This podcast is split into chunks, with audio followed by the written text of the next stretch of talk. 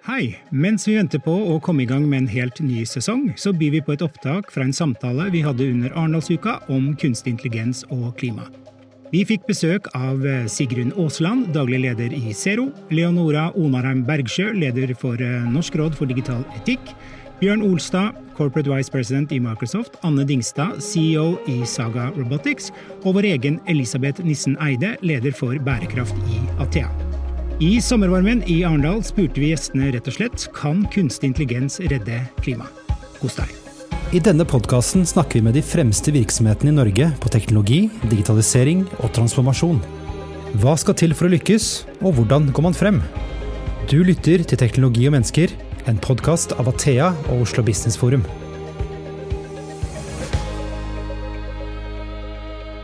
Får litt gåsehud fordi at det panelet vi har eh, i dag, det er helt fantastisk. Så jeg gleder meg masse, og de sitter jo lina opp her, fargekoordinert minus Elisabeth. Eh, så vi skal nå starte eh, faktisk med Elisabeth, som skal ha en kort introduksjon. Og så skal du ha en opp på scenen sammen med deg. Så velkommen opp. Takk for at dere er her.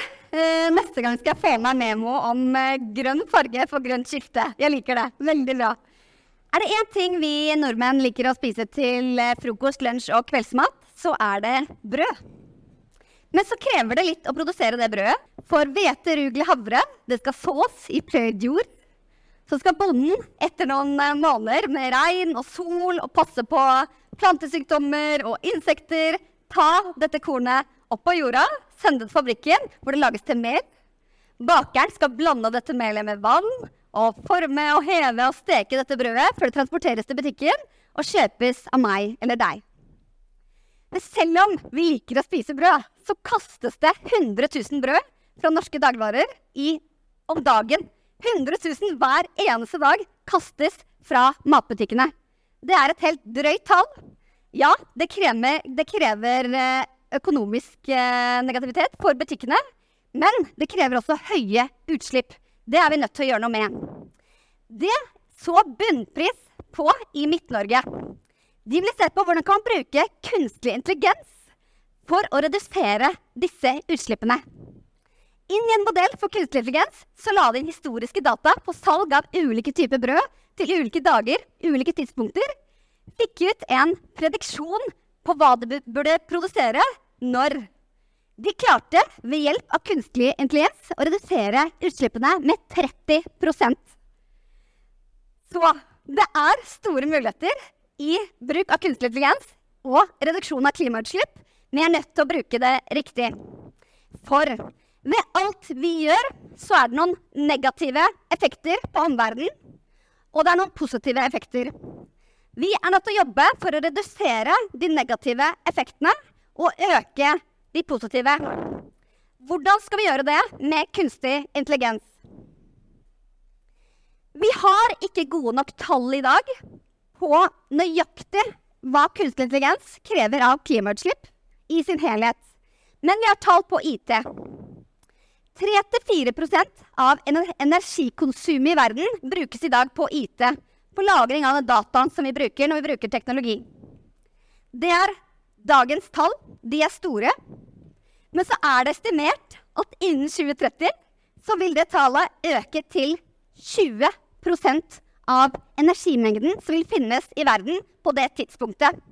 Det er bl.a. fordi vi kommer til å øke bruken av kunstig intelligens med store modeller, mye data som skal lagres. Hvis vi ser på chat GPT, hva krever det egentlig å søke på noe der og få ut et uh, forhåpentligvis godt svar? Det er estimert at det krever rundt fire til fem ganger det et Google-søk gjør. I mars 2023 så var det gjort 1,5 milliarder søk hos ChatGBT. Da kan vi røftlig regne på hva det betyr av utslipp. Det er uh, det samme som utslippene til å produsere 10 millioner bananer. Eller utslippene til én nordmann ett år. Når vi vet dette, så kan vi begynne å jobbe med energieffektivisering, grønn strøm på datasentre osv. for å minimere disse negative effektene. Og så kommer det som er mest spennende. Det er de positive effektene som kunstig intelligens kan ha. BCG har estimert at uh, kunstig intelligens kan spare 5-10% av en virksomhets klimaavtrykk. Hvordan gjøres dette i praksis? Jo, det første er Vi vet at kunstig intelligens er svært gode på å samle store mengder data som vi mennesker ikke klarer å analysere selv. Vi trenger hjelp av denne store regnekraften, datakraften, for å finne ut effektive tiltak for klimareduksjon. Det kan kunstig intelligens hjelpe oss med. Det neste det er å predikere hvilken tiltak vil være mest mulig effektive for akkurat denne virksomheten som driver med akkurat dette området. Her får vi også stor hjelp av KI-modeller som kan eh, forhåpentligvis brukes til å predikere svært effektive klimareduksjonstiltak i fremtiden. Og dermed også legge ny data på etter at tiltakene er gjort, og spisse bedre og bedre tiltak etter hvert. Dette syns jeg er kjempespennende. Til slutt så kan man ta i bruk KI for å redusere utslipp. Ta det i bruk i ulike deler av driften i en virksomhet, eh, sånn som f.eks. bunnpriscaset. Her også ligger det store muligheter. Et eksempel er forskningsprosjektet Datadrevet anleggsplass. Her har Skanska, Sintef, Ditio og Volvo gått sammen for å bruke kunstig intelligens på anleggsplasser for å redusere utslipp. På en anleggsplass kan det være mange hundre anleggsmaskiner og tungtransport som krever utslipp, går på tomgang, kjører rundt omkring. Det er anslått at ved å ta i bruk kunstig intelligens så kan man redusere utslippene til anleggsbransjen med 10% Fordi man kan få en prediksjon eh, og hjelp av denne modellen til å vite hvilke maskiner skal kjøre hvor. Man kan redusere unødvendig tomgang. Man kan redusere unødvendig ventetid og redusere arbeidsbelastning på de som jobber der. Kjempemuligheter. Det vil spare bransjen for 13 millioner liter drivstoff i året. Veldig kult. Siste eksempelet jeg har lyst til å nevne, det er denne roboten som dere ser her. Torvald. Torvald ble unnfanget på NMBU eh, tidligere eh, for noen år siden, og drives nå av Saga Robotis, som vi skal få med oss i panelet etterpå. Denne roboten den, eh, brukes nå på jordbærplanter og drueplanter for vin eh, i UK og USA. Den skanner plantene med UV-lys for å bekjempe plantesykdommer. Og når vi vet at biologisk mangfold i verden er på vei ned, mens insektdød er på vei opp, så er det kritisk for landbruket. Å ta i bruk denne type teknologi vil være svært positivt for hele landbruket vårt. Den gjør også mange andre ting. Den sprer nyttedyr som kan drepe skadedyr. Den kan kutte eh, avleggere for å hindre flere sykdommer. Og den samler også inn data for å forbedre avlingene hele veien. Veldig positivt. Så jeg tror det er store muligheter her. Jeg gleder meg til å diskutere dette i panelet. Men så er det en liten ting vi må innom først. Og det er etiske hensyn. For å ta i bruk kunstig intelligens så må vi være sikre på at vi er trygge på te teknologien. At man ikke får utilsiktede negative konsekvenser at folk ønsker å ta det i bruk for å få de positive effektene som vi trenger. Og for å diskutere det, så skal jeg snakke med noen som er mye smartere enn meg på dette her. Eh, jeg skal ta opp Leonora, Leonora Onarheim Bergsjø på scenen. Hun er førsteamanuensis ved Universitetet i Agder og leder for Norsk råd for digital etikk. Du forsker på forholdet mellom ny teknologi og etikk. Du er med i mange tverrfaglige samarbeid, vært med på masse bøker. Eh, og du er også aktiv samfunnsdebattant. Jeg syns vi skal gi Leonora en stor applaus.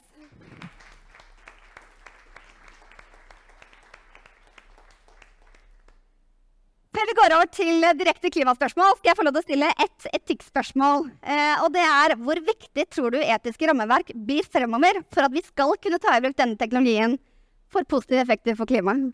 Ja, det er et kjempegodt spørsmål. Og da jeg kom hit i dag, så var det noen som sa å, er det du som skal snakke om det vanskelige her? Det er et problem at vi tenker at når etikken kommer inn, da blir alt vanskelig og tungt, og da må vi egentlig bare stoppe med innovasjonen. Mm. Det er motsatt. Mm. Vi har gode rammeverk i dag, men vi må tørre å bruke dem. Mm. Vi må tørre å si hvordan kan vi bruke de rammeverkene vi har, jeg tenker jo alle her kan etikk. Vi vet noe om hva samfunnet, hvordan det skal være, hvordan vi vil ha det. Vi vet noe om at vi vil ha mer mangfold og inkludering og bedre klimaløsninger. Så må vi tørre å si ja, det kan vi få til. Bruke de rammeverkene som er. Og så har jeg lyst til å si litt om rammeverk. Det fins. Det fins eh, ganske mange over hele verden, og de er ganske like. Og det er en utfordring. Når Kina sier vi vil ha eh, gode klimaløsninger og masse menneskerettigheter i vår teknologi. Samme som EU. Samme ord. Mm. Det er et gap mellom eh, retningslinjene og den teknologien vi faktisk ser at lages. Mm. Og jeg er med i noen forskningsprosjekt hvor vi ser på etisk risiko.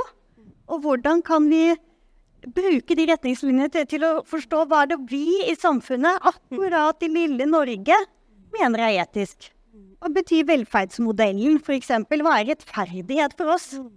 Er det at alle får like mye, eller har det noe med noen som trenger mer, skal få mer?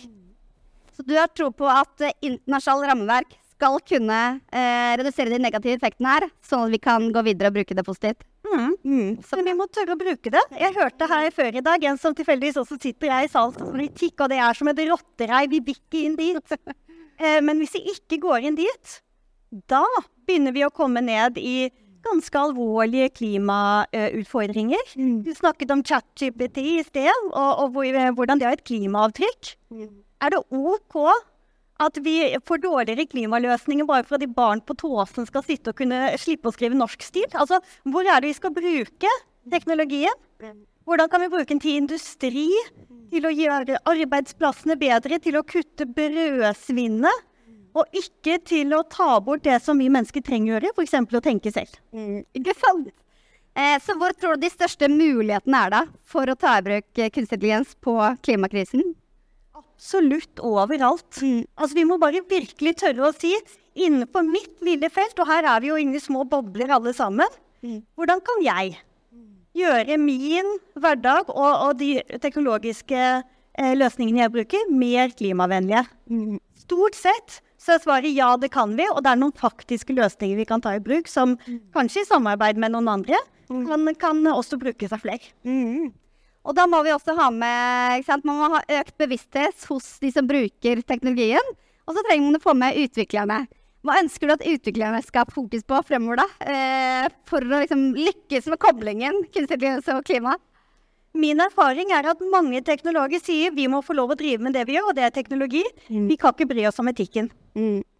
Det som bekymrer meg med det, er at de ser noe som jeg ikke klarer å se. At de som sitter så tett på løsningene, kan oppdage noen utfordringer som jeg, som jobber fra en helt annen vinkel, ikke ser. Ikke sant? Derfor trenger vi at alle, også utviklerne, tør å stille spørsmål. Trenger ikke å ha svarene, tørre å si at nå skal vi overvåke denne arbeidsplassen for å se om vi kan spare på strømmen ved å se når folk er der.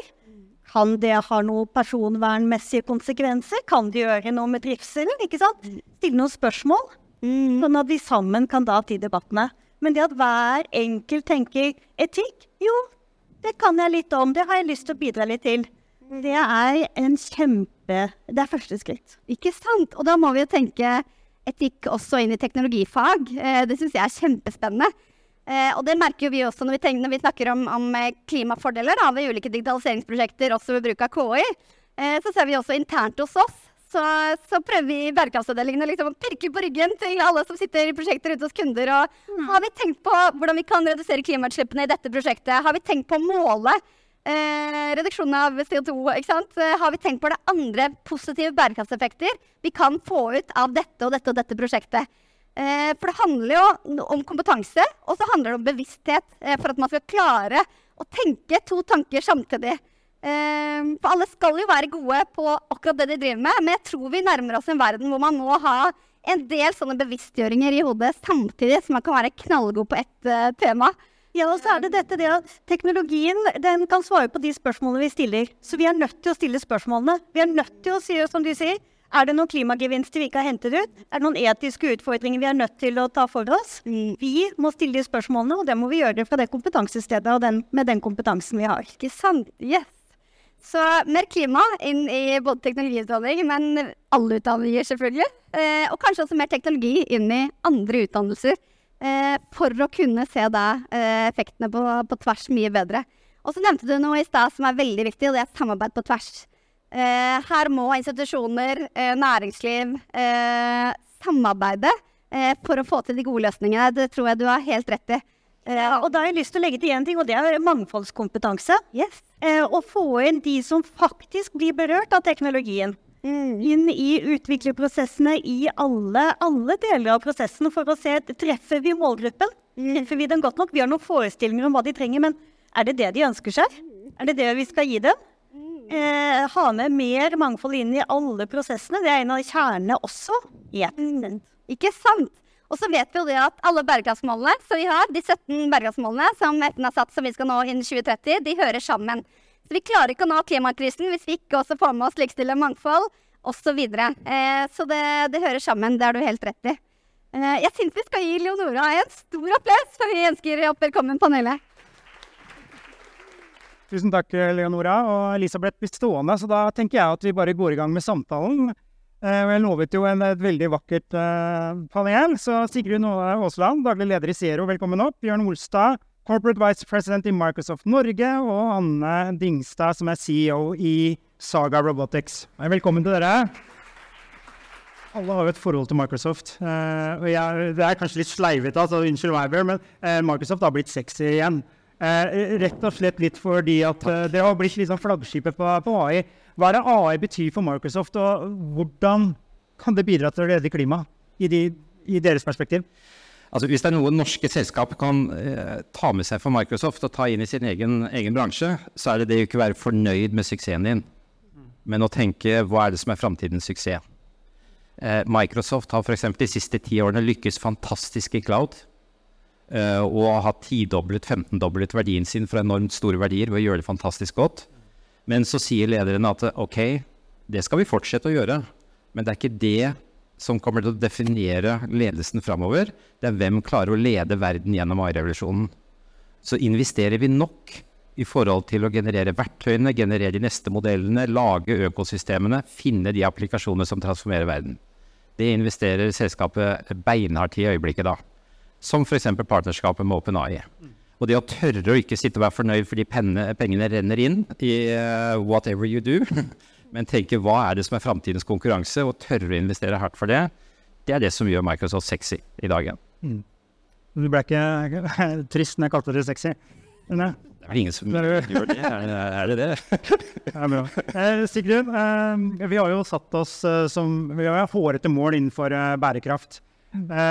Eh, hva, hva, tenker du eh, om AI og klimakrisen? Det går jo ikke fort nok. Nei. Men virker det der? Ja, det gjør det. Ja, eh, nei, det går ikke fort nok. Eh, og spørsmålet var kan kunstig intelligens redde klimaet. Og så tenker jeg svaret, det korte svaret er nei, og det lange svaret er ja, på en måte. Eh, fordi det er veldig nytt, ekstremt nyttig. Jeg tror ikke vi skjønner hvor nyttig det kan være. Men det er jo selvfølgelig ikke kunstig intelligens som redder klimaet. Det er hvordan vi bruker det, og hvilke politiske rammebetingelser vi legger, og hva vi sier til maskinen at den skal gjøre. Men det er to ting vi må løse for å løse klimakrisen, egentlig. Så enkelt. Det ene er jo sånn som eksempelet til Elisabeth. ikke sant? Vi må bruke knappe ressurser mye mer effektivt. Jeg var nettopp på et møte nå om hvordan vi kan spare areal og energi ved å samlokalisere industri. Det er jo veldig enkelt. Det trenger vi ikke kunstig intelligens for å skjønne, egentlig. Men vi kan jo gjøre sånne ting i en mye større skala. Bruke Lage en økonomi som er mye mer sirkulær. Finne ut hvordan vi kan bruke materialer om igjen. Putte de inn i ulike produkter eh, frakte de kortere mye, altså Alt som handler om å effektivisere knappe ressurser. Vi skal ha mye mer fornybar energi fra vind og fra sol og fra kilder som er litt sånn ustabile og uforutsigbare. Eh, da må vi finne gode måter å lagre energi og produsere energi på riktig tidspunkt. alt dette her. Det kan vi også gjøre med uten kunstig intelligens, tror jeg. Automasjon og sånn. Men det er klart at det blir smartere, og det blir enklere å få dette til. Så det er det ene. Og det andre vi må gjøre, er jo å avkarbonisere alt. Altså gjøre det ikke-fossilt. Vi trenger fornybar energi og fornybare teknologier i alt. All fremdrift, all transport, alt, all industri. Eh, og der har vi masse teknologi tilgjengelig, men vi trenger jo fortsatt f.eks. For batterier som er så lette at vi kan putte de i fly. Eh, kanskje kan vi få til masse spennende, helt nye energiformer. Fisjon og fusjon og alt dette her. Eh, og det som er bra med kunstig intelligens, er at det går utrolig mye fortere. Alle situasjonene går fortere, ikke sant? så vi trenger ikke bruke så mange år på å forske fram det vi trenger. Eh, og så har jeg en, liksom, noen bekymringer likevel. og Det ene er jo vi som er opptatt av klimapolitikken og at det haster å komme i mål til 2030, er også litt sånn bekymret når noen kommer med en teknologi som kanskje kan hjelpe oss om 10-20-30-40 år. For det har vi ikke tid til. Så vi må bruke alt det vi vet og alt det vi har nå. Og så kan alt det som kommer, komme og hjelpe oss å bli enda bedre. Men vi kan ikke liksom la være å gjøre det vi vet må gjøre fordi det kanskje kommer noe bedre. Så det er det ene. Og det andre er selvfølgelig det som Elisabeth også var innom, at dette er jo et stort energiforbruk. Politikken må prioritere hva vi skal bruke strøm til, fordi det er også et knapphetsgode. Um, og det er store utslipp knyttet til uh, disse store datasentrene, f.eks. Så kan vi jo bruke kunstig intelligens til å bruke den varmen til noe smart, eh, som ikke er å bare slippe den ut. Mm. Bare to raske kommentarer til det du sa. Um, uh, til å lære raskere det er kanskje en av hovedprioritetene hos oss. Altså Hvordan kan du få 200 års uh, framtidig forskning til å skje de neste 20 årene? Hvordan får du til det? For det er noen gjennombrudd som vi må ha for å løse klimakrisen. Teknologiske gjennombrudd som, uh, som må tilfølge det. Når eh, Brad Smith han leder Sustainability i Microsoft, han var i Norge rett før sommeren. Og da Det vanskeligste han spør, uh, spørsmålet han fikk på møtet med, med de lokalt ansatte, da, var nå har vi lovt verden at vi skal være karbonnegative i 2030. Vi har lovt at vi skal fjerne hele avtrykket fra Microsoft historisk. Eh, og det er ikke bare Microsoft. Det er veldig kult for øvrig. Ja, ikke sant? Og hele økosystemet, så ikke bare Microsoft med leverandører og alt. Eh, hvor mange selskaper i Norge er det som har den ambisjonen? Men så fikk han spørsmålet men vi bygger jo et datasenter med GPU-er som står og gløder overalt. Eh, er det fremdeles Er vi on track? Og svaret hans ja, vi er on track. Men det, men det, krever mye innsats for å gjøre den balanseringen og sørge for at de GPU-ene produserer verdi i det regnskapet. Mm. Mm. Anne, eh, Saga Robotics. Jeg visste ikke så mye om dere før eh, denne debatten. Eh, men der, der, skjer det ting. Eh, nå fortalte jo Elisabeth litt om hva dere driver med. Men hvis du kunne si litt sånn overordnet, hva er AI for dere? Ja, tusen takk, og veldig god introduksjon av eh, både Saga Robotics og Torvold, da, som er eh, landbruksroboten som eh, vi har utviklet over nå mange år. Et, bare et lite bakteppe. Det er ikke sikkert alle har tenkt så mye på matproduksjon og, og kunstig intelligens, selv om det var noen gode eksempler her. Men, men vi, vi som et robotikkselskap vi gir jo kunstig intelligens til maskiner, og så planlegger den og utfører ting basert på hva den ser og opplever ute mm, på jordet. Og til nå så har vi jo hatt masse maskiner og, og roboter i fabrikker. Det er et veldig kontrollert miljø hvor man kan ta bort veldig mye usikkerhet og utfordring. ikke sant? Datasenteret til Microsoft. Det er ikke sånn at plutselig så kommer det et, eh, en villsau eller et eller annet inn der. Sånn er det når du holder på i landbruk. Og eh, ikke sant? vi har alt mulig av ekstremvær. Det kommer bokstavelig talt eh, rett ned der hvor vi opererer. Vi har støv, gjørme, masse utfordringer rundt det å navigere. Vi opererer i et levende miljø hvor ting vokser fra dag til dag, og hvor det er biologiske sykdomsutbrudd, og det er, det er veldig stor variasjon. Og for oss så er jo kunstig intelligens på en måte et av de veldig viktige svarene ikke sant, på hvordan vi skal få dette til. Ikke få det til, men hvordan vi skal få det til på en tidsramme som har relevans for verden. Så det vi jobber med, og hvordan vi bruker kunstig intelligens, det er at vi på den ene siden så bruker vi det i navigasjon. Vi har jo en selvkjørende robot.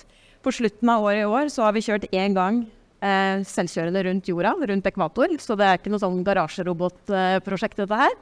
Eh, og den senser eh, miljøet rundt seg og bruker det til å da bli smartere og smartere.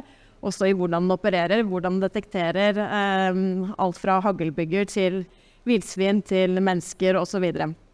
Det andre vi bruker kunstig intelligens til i stor grad, er jo å trene, eh, trene modellsett. Eh, og vi er i tett dialog med alle våre kunder, eh, og det største problemet de har, det handler om avlingsprediksjon. Det er enorme tap, ikke sant? om det er brød som kastes i butikk, eller om det er jordbær som eh, uten at noen snakker om det, gravlegges på gård, eller om det er vinranker som bare blir spist opp av sykdom. Kjempestore tap, masse ressurser som har gått inn i å produsere den maten. Og det å kunne trene disse datasettene fort er veldig viktig. Fordi landbruket har jo en naturlig syklus. Det er ofte en sesong i året. Og hvis du skal vente til du har gjennomlevd alle disse variasjonene, så tar det jo forever. Så det å kunne da ha, bruke kunstig intelligens til å eh, age datasett, og, og, på en måte se hvordan det skal spille seg ut, og gjøre teknologien smart i dag, det er viktig for oss. Bare et sånt, Dette er helt på villspor, men hvor, hvorfor Torvald? Hvor kommer navnet fra? Eh, navnet kommer fra NBU, hvor, eh, altså Universitetet på Ås, hvor eh, eh, studentmiljøet har eh, to karakterer, Torvald og Johannes. Eh, og da ble det Torvald. Så utrolig nok så er dette altså kjempepopulært i utlandet. Alle landbruksroboter heter sånn Bot, Ag, XXX, og vi heter Torvald. Alle husker det, og det flyr som bare det.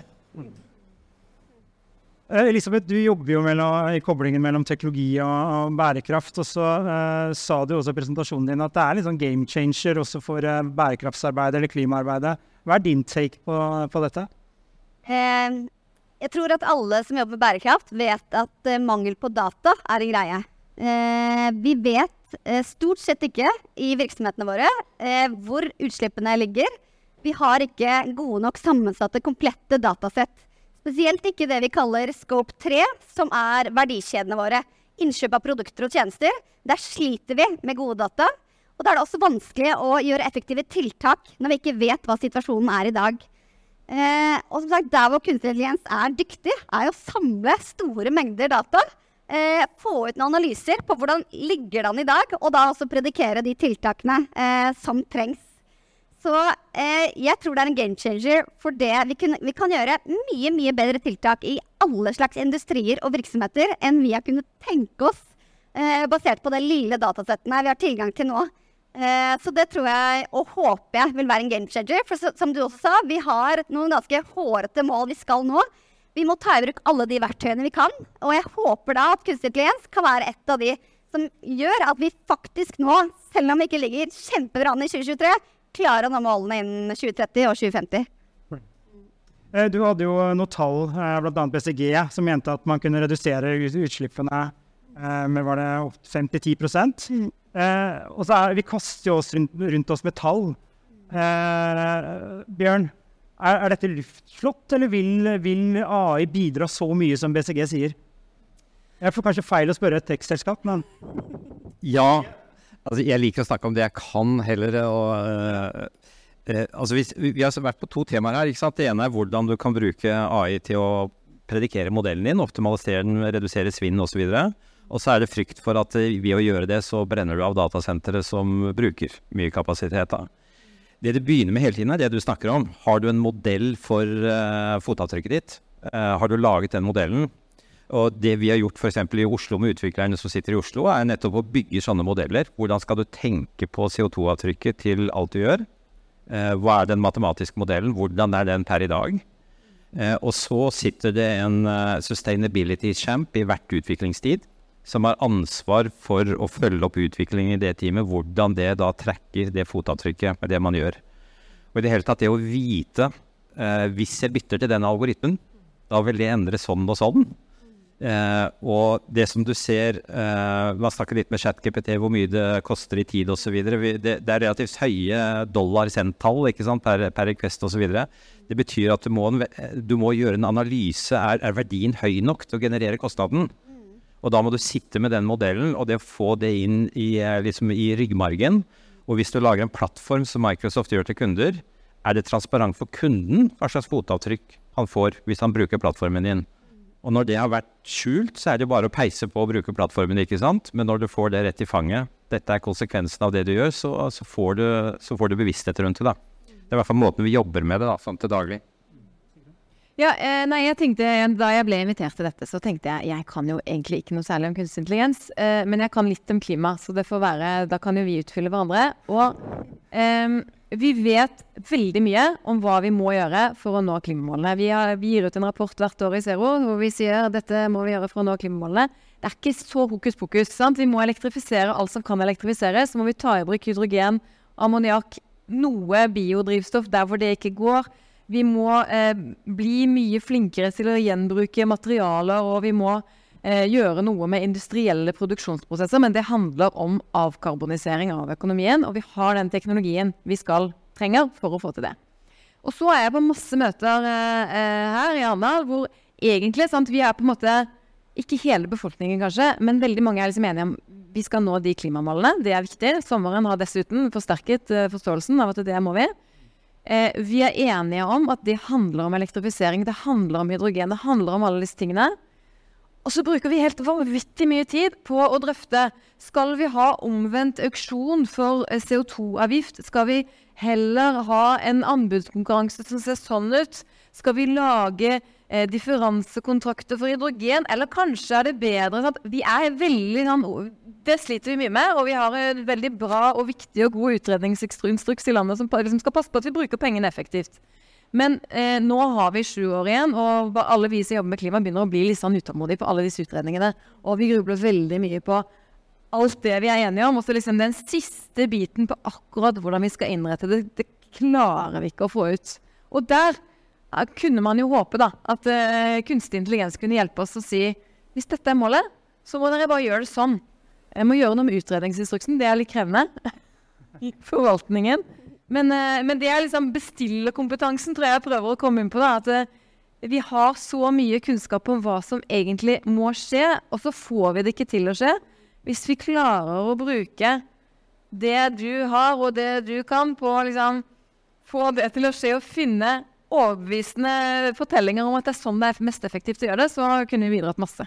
Og så tror jeg veldig på det der med Det er fortsatt mye teknologi vi trenger å utvikle for å komme til null. Vi kan komme til minus 55% innen 2030 uten å utvikle noe som helst nytt, men vi må finne ut hvordan vi skal rulle det ut. Og så må vi ha masse nytt fram mot 2050, og der er det også veldig spennende hva kunstig intelligens kan gjøre. da. Og så For å prøve å, opplyse meg selv litt, så hørte jeg en podkast med grunnleggeren av DeepMind, som har liksom kartlagt alle proteiner i hele verden. og en Fantastisk medisinsk innovasjon som følge av det. Og han fortalte at han hadde vært i møte med Stephen Hawking, for Stephen Hawking var litt bekymret for kunstig intelligens. Har vi kontroll på dette? Det kan jo gå helt galt. Og så ble han litt beroliget eh, etter det møtet, visstnok. Eh, men han hadde avsluttet med I hope you succeed, but not too much. Så det er noe med å ha det litt under kontroll, da. Definitivt. Um, Elisabeth? Eh, du spurte om det er realistisk. Altså de tallene er 5-10 eh, Og jeg tenker at det kommer helt an på. Eh, kanskje ikke, hvis vi ikke tar det i bruk på de måtene vi burde. Eh, det var en undersøkelse som viste at nå svarer 43% av virksomheter at de ønsker seg å ta i bruk eh, kunstig intelligens for bruk av å redusere sine egne klimautslipp. 43 eh, Eh, eksempelet som viser fra anleggsbransjen, den viser at hvis hele bransjen tar i bruk dette, så kan man redusere det 10 sant? Men da trenger man gode eksempler. Vi trenger å snakke mer om det. Vi trenger å fronte hva er de løsningene Hvordan skal virksomhetene gjøre dette i praksis? Eh, og fronte de som allerede gjør bra ting her, sånn som dere. ikke sant? Eh, for da tror jeg sannsynligheten er større for at folk tør. Eh, og for at man faktisk kommer til å gjennomføre det. Eh, hvis ikke så sitter man på gjerdet, sitter man på gjerdet, og der er man på 2030, der er man i 2050, og så har man ikke nådd målene. Eh, selv om man har noen verktøy man trenger for å klare dette da enda raskere. Det er jo bare for å bygge litt på det, ikke sant. Vi ser jo eh, innenfor det som er vår bransje, da, er agtech. Eh, veldig mye forskjellige typer utvikling. Og da kan du jo også implisitt i det se litt om hvordan folk har tenkt om framtiden. Så en stor gren, kanskje den aller største, er jo på en måte å elektrifisere traktor. Men ikke sant? det er jo fremdeles en uhorvelig tung maskin som har altfor mye krefter i veldig mange former for landbruk.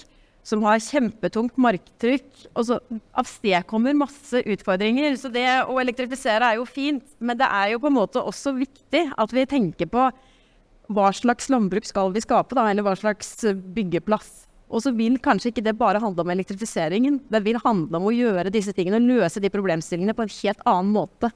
Ikke sant? Det, når vi kom med Thorvald først, så lo jo bare folk. altså, denne lille greia her var liksom, Ikke spør oss hvor mange hestekrefter vi har, ikke sant? fordi at det blir noe helt annet enn en traktor. Men den brukes på en helt annen måte. Du kan sette på verktøy som kan løse problemstillinger på en helt annen måte. Så du må på en måte også retenke da, hva slags type industri man skal ha, og, og hvordan vi kan være med og drive den utviklingen. Og det er for, for, oss så er 2030 et relevant tall. Eh, vi kan gi en betydelig impact innen 2030. Innen 2050 så kan vi gjøre kjempeimpact.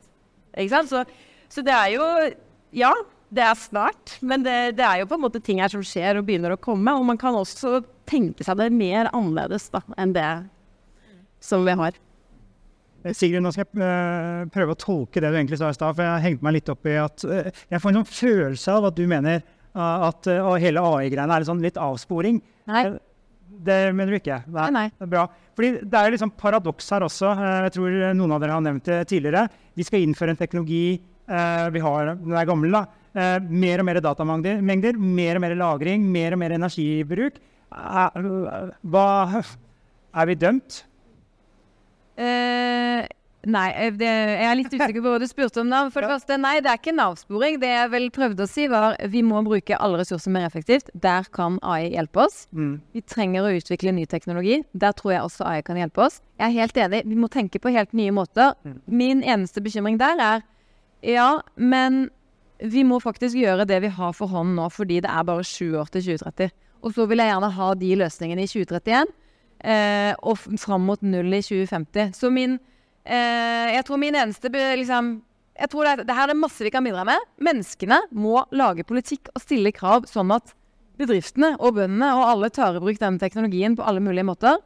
Eh, det er det ene. Og det andre er at vi har altså så dårlig tid nå at eh, vi må utvikle all den nye teknologien vi kan, samtidig som vi ruller ut den vi har. Og det er veldig sjelden at det er et blindspor. Det er litt sånn kunstig motsetning ofte. ikke sant? At nei, vi må vente litt med det, fordi det kan hende det kommer noe bedre. Vi må gjøre det vi har, og så bygger vi videre på det. Og så kommer det kanskje noe helt annet som blir enda bedre. Men, men mens vi utvikler ny teknologi, så slipper vi også ut CO2, og det samler seg opp i atmosfæren, og det har vi ikke tid til. Så, så det er liksom min eneste Jeg har jeg kan som sagt ikke så mye om kunstig intelligens, men jeg har veldig tro på at det kan hjelpe oss både med å sirkularisere økonomien og lage, bruke energi mer effektivt og bruke arealer mer effektivt. Også hjelpe oss til å utvikle masse ny teknologi. Og mens vi gjør det, så vil jeg at vi kutter utslipp på alle mulige kjente vis. Og ikke sitter og venter på det nye og spennende som kommer senere. For det er det litt tendens til at noen av og til vil, og jeg sier ikke noen her, men, eh, men, men det, er liksom, det er viktig at vi ikke går i den fella, i hvert fall. Jeg trekker tilbake min tolkning. Ja. Jeg beklager at jeg var så uklar. det er fordi det er veldig varmt her. Ja, det er grusomt. Men sånn er det. Eh, Bjørn, går dette raskt nok, sånn at du kan levere på, på det Sigrun vil ha? Jeg tror det, jeg tenkte først å kommentere på Stephen Hawking, for det er en interessant mann. Eh, og det er masse diskusjon om konsern rundt AI. ikke sant? Eh, men jeg tror det er to prinsipper i hvert fall som, som jeg bruker. Da. Det ene er hvis du snakker om konsern rundt AI generelt versus per scenario, så blir det en veldig forskjellig diskusjon. Hvis du snakker i helse, har du lyst til at barnet ditt skal dø fordi du gikk til en lege som har sett ti case, men ikke det caset som barnet ditt døde av? Eller har du lyst til at den legen skal være understøttet av verdens beste kunnskap i området og redde barnet ditt? Da blir det en helt annen diskusjon enn hvis du snakker konseptuelt om det. Og det tror jeg også for klimaet at du er i en tilsvarende situasjon, da. Altså at muligheten til å være mye mer aggressiv, eh, det er så opplagt at det er et positive purpose eh, som ligger bak eh, når, du, når du gjør de tingene. Om det går, går raskt nok. Eh, altså For, eh, for AI-delen så, så, er det tror jeg, gjennombruddene som kan komme, som kan være de forskningsbaserte tingene. Meg med som eh, bare en innbygger i Norge, så har jeg en følelse av at liksom, debatten er at miljø er en tax vi har på oss. at nå må vi ha få dyrtid, vi må, det, er ting, det er en kostnad ved å innføre miljøtiltakene. Mens hvis du ser på USA og andre ting, så er det liksom et annet mindset. At dette er jo den største industrielle muligheten vi har. Eh, og den tonen finner jeg liksom ikke når man hører på Dagsrevyen og ting. At, man hører på Zero da. Ja, ikke sant? Men da må, da, da må deres voice komme ut der. Eh, og her er det masse spennende. Eh, jeg er helt enig. Man må adressere eh, folk som nå er redde for denne eh, mer enn teknologi, men teknologien. Eh, for hvis ikke så blir man for redd til å faktisk ta det i bruk. Og da er jeg for etiske rammeverk, eh, internasjonale regelverk som håndterer det på en god måte, så vi kan være sikre på hvordan den utviklingen eh, skjer fremover. Og så er jeg helt enig i det du sa. Eh, jeg vil bare ta opp et punkt der som er veldig viktig, og det er involvering av politikerne. Eh, tidligere så hadde vi en digitaliseringsminister som også hadde ansvar for bærekraftsmålene. Det har vi ikke i dag. Eh, noe av begrunnelsen for det er at digitalisering skal selvfølgelig inn i alle departementer, i alt vi gjør i Norge. Bærekraftsmålene skal det samme. Eh, men det skjer ikke i praksis. Så jeg tror man trenger noen som drar, som roper, eh, som liksom får med seg resten av politikken. eh, som sitter med beslutningsmyndigheter her eh, for å kunne ta noen gode valg. Så ja, bra poeng som jeg hadde lyst til å bare understreke. Bare en kort kommentar med, med spilleregler for, for, AI. Så tror jeg det finnes to hovedprinsipper eh, som uh, gjøres i dag. Det ene er at nå skal vi sette oss ned og skrive alle regler for hvordan AI skal brukes. Uh, og så har du den andre skolen, som f.eks. Bill Gates hadde en fin rundt. Hvis vi gjorde det i 1905 rundt transportation, satte oss ned, nå skal vi skrive spillereglene for hvordan transportation skal være. Hadde det vært fornuftig? Vi skjønte at det var viktig å kunne transportere. Vi skjønte at det ville utvikle seg. Eh, det er noe med intention, og det er det som USA har skrevet rundt AI-reglene, som er mer altså, intensjonen din med å skape noe, noe, verdifullt. Men det er gjennom læringen og transportation utvikler seg, at du finner ut hva reglene burde være. Og det mindsetet versus at en komité skal sette seg ned og finne ut alt som skal skje, og AI, hvordan det skal Det har ikke jeg personlig liksom den store troen på, da. At det er den riktige modellen. Sigrun også. Ja. Jeg hadde bare lyst til å eh, støtte det du sa om liksom, klimadebatten, eller hvordan jeg tror det ofte fremstilles. For det som jeg tror ofte blir problemet, er at klimakrisen fremstilles som noe som er langt borte. Det angår ikke deg, det er et annet sted, det er en annen tid, det er veldig abstrakt. Det har jo på en måte denne sommeren motbevist, uh, uten at det er noe bra med det. Uh, og så er løsningene veldig ofte framstilt som at du må skjerpe deg, du må gjøre ting annerledes. Det er liksom moral og pekefinger, og livet ditt kommer til å bli dårligere, og du må bruke mindre og leke mindre og ha det mindre morsomt i det hele tatt. Eh, og det er jo heller ikke riktig. sant? Vi kan leve kjempegode liv uten utslipp, men det er systemendringer. Det er ikke liksom ned på Selvfølgelig kan vi alle være, kaste mindre brød og gjøre ting bedre, vi også. Men det er en del utrolig gode muligheter vi har til å få gjøre ting, løse oppgaver bedre trenger ikke bli noe dårligere liv i det hele tatt. Så hvis vi kunne liksom snudd den derre klimakrisen eh, er stor og kollektiv og langt borte, løsningen er deg individuelt og ditt ansvar, til det motsatte, så, eh, så tenker jeg at det, det, er mye lettere å gjøre noe med den. Eh, og så er jeg helt enig i at selvfølgelig kan vi ikke sitte og planlegge i minste detalj hva AI skal hjelpe oss med for å løse klimakrisen, men vi kan allerede nå peke på noen problemer som vi som jobber med klima, vet at vi har. Eh, og så må politikerne bestille løsninger på de problemene. Eh, og det må skje ganske kjapt. Så to, to, kommentarer til det, egentlig. For det første så tror jeg at reguleringene må ned på et virkeområde hvor det er relevant. I, i England, som er vårt eh, hjemmemarked, hvor vi opererer med flest roboter, så deltar vi og utvikler den nye britiske standarden for selvkjørende maskiner i landbruk. Det er et relevant reguleringsnivå for AI for et selskap som oss. Det, det blir bra. Og det andre jeg har lyst til å kommentere litt på, er liksom dette bakteppet som vi bringer nå liksom kunstig intelligens inn i samfunnsdebatten, og, og, med de stegene som kommer. For hvis vi tenker litt tilbake, både inspirert av Oppenheimer, men, og, men ser liksom på de store teknologiske framskrittene vi har gjort ikke sant? med atomkraft. De skjønte jo hva de utviklet. Der har vi jo kanskje også mistet ut noen av mulighetene, da, eh, klimatisk sett, til å, til å på en måte skaffe oss eh, energi som har mindre klimaeffekt. Eh, så kommer vi til internettutvikling. Vi kommer til eh, eller IT-utvikling først. Internettutvikling og etter hvert SoMe. Og jeg jobbet med å ta mobil ut i verden for Telenor på den tiden. Alle trodde at vi kom liksom med demokratisering. Alle kunne selv nå få tak i kunnskap, lage seg bedre, en bedre framtid. Kanskje naivt, vil man si i dag, men det var virkelig sentimentet. Eh, og så har vi på mange måter brent oss litt, ikke sant? for vi har sett hvordan hele denne sosiale medieplattformen egentlig brukes til å utfordre noe vi har eh, veldig sterkt. Og med det bakteppet, pluss liksom alle sci-fi-filmer eh, vi har vokst opp med om at eh, robotene kommer og kunstig intelligens skal ta uh, rotta på menneskeheten, så, så vi bare ha med oss at vi, er, vi står egentlig et sted hvor vi har ganske gode forutsetninger for å ta fornuftige valg. Men vi har også alle disse store mulighetene om at vi kan utnytte denne teknologien da, til det fulle potensialet for klima og for menneske, mat og miljø, da, egentlig. En god avslutning. Vi har kommet faktisk til veis ende, og noen i panelet skal jo videre i andre debatter. Så takk. Og så håper jeg dette har vært et godt oppspill til å se på om kunstig intelligens kan bidra til å redde klimaet. Så tusen takk. Du har nå lyttet til Teknologi og mennesker, laget av Athea og Oslo Business Forum. Liker du podkasten, setter vi stor pris på om det gir oss noen stjerner. Og tips gjerne en venn om podkasten.